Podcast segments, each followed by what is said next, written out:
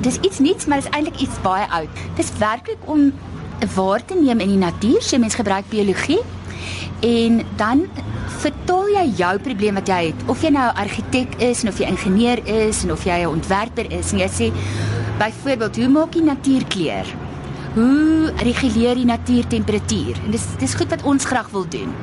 En dan kry mense natuurlik 'n verskeidenheid van antwoorde want daar's verskillende oplossings en strategieë, maar dis altyd iets wat volhoubaar is. So dit lei na innovering in al die gebiede wat 'n mens dit toepas. Stel jy het 'n dollar noot daar in jou hand en jy sê die noot het iets gemeen met 'n skoenlapper. In hierdie geval is dit iets baie interessant en dis nie net op die dollar noot nie, maar soos byvoorbeeld die 20 dollar wat ek hier het, die 20 onder in die hoek. As 'n mens hom draai, dan verander hy van kleur. Hy gaan so 'n bietjie van blou na rooi. En in werklikheid is dit geïnspireer deur die Morpho ehm um, skoenlapper en hoe sy vlerke kleur wat pragtige diep blou is wat ons almal so verlief is en bewonder. Is glad nie 'n pigment nie.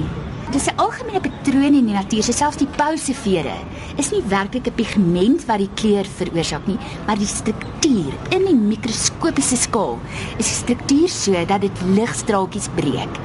En 'n firma het gegaan en gesê, "Wel, as die vlinder dit doen, en dis baie belangrik want dis nie dat ons die vlinders nou gaan oes om blou te kry nie. Ons maak nie enige vlinders dood om blou te kry nie. Ons kry die resep van hoe hulle blou maak. Dan sê ons, "Goed, ons kan dit gaan toepas in iets wat ons nodig het." So hierdie firma het gegaan en hulle het 'n baie hoë waarde verf gemaak wat in sekuriteit toepassings soos note dat iemand dit nie maklik vervals nie gebruik word.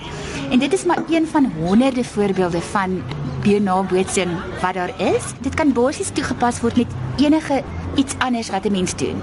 So dit word gebruik in die boubedryf, in ingenieurswese, produkte en selfs in organisasies om te kyk wat is leierskap en hoe doen die natuur dit en wat kan ons daaruit leer. So dis 'n fyn waarneming van die natuur.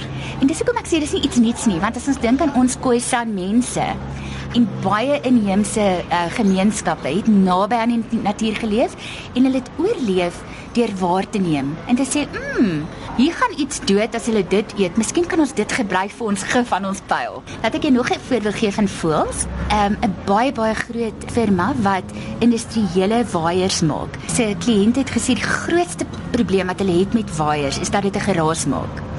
En hulle het gegaan en hulle het gaan kyk na die uil wat geruisloos vlieg en gesê maar hoe kry hy dit reg? En hulle het ook agtergekom dis 'n strukturele ding van hoe sy punte van sy vlerke is.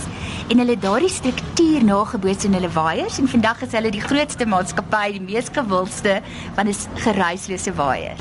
Niks is nie onder die son nie, nê. Nee. Ons moet net fyn waarneem. Absoluut, maar dit is ook 'n baie positiewe boodskap. Sê dis niks niets nie, maar dis 'n nuwe manier om dit wat ons het te gebruik. Ek dink in Suid-Afrika het ons soveel unieke organismes en plante en soveel wat ons kan aanwend om innovering te stimuleer. En baie mense doen bionabootsing sonder om hulle self dit te noem. Soos byvoorbeeld Velcro is iemand wat gestap het en gesien het, o, hier is saadjies wat vassit en gaan kyk het o en en die produk ontwikkel het. So so as ek dit kortliks kan opsom, bionabootsing is 'n fyn waarneming van die natuur vir oplossings in ons hedendaagse samelewing. Heeltemal reg. Daar's werkswinkels wat 'n mens kan doen om 'n beter dieper blootstelling te kry aan 'n uh, bionaam bootsing.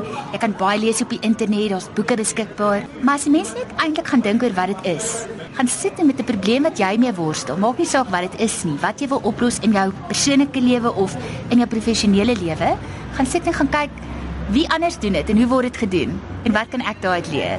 Dit is so maklik soos dit.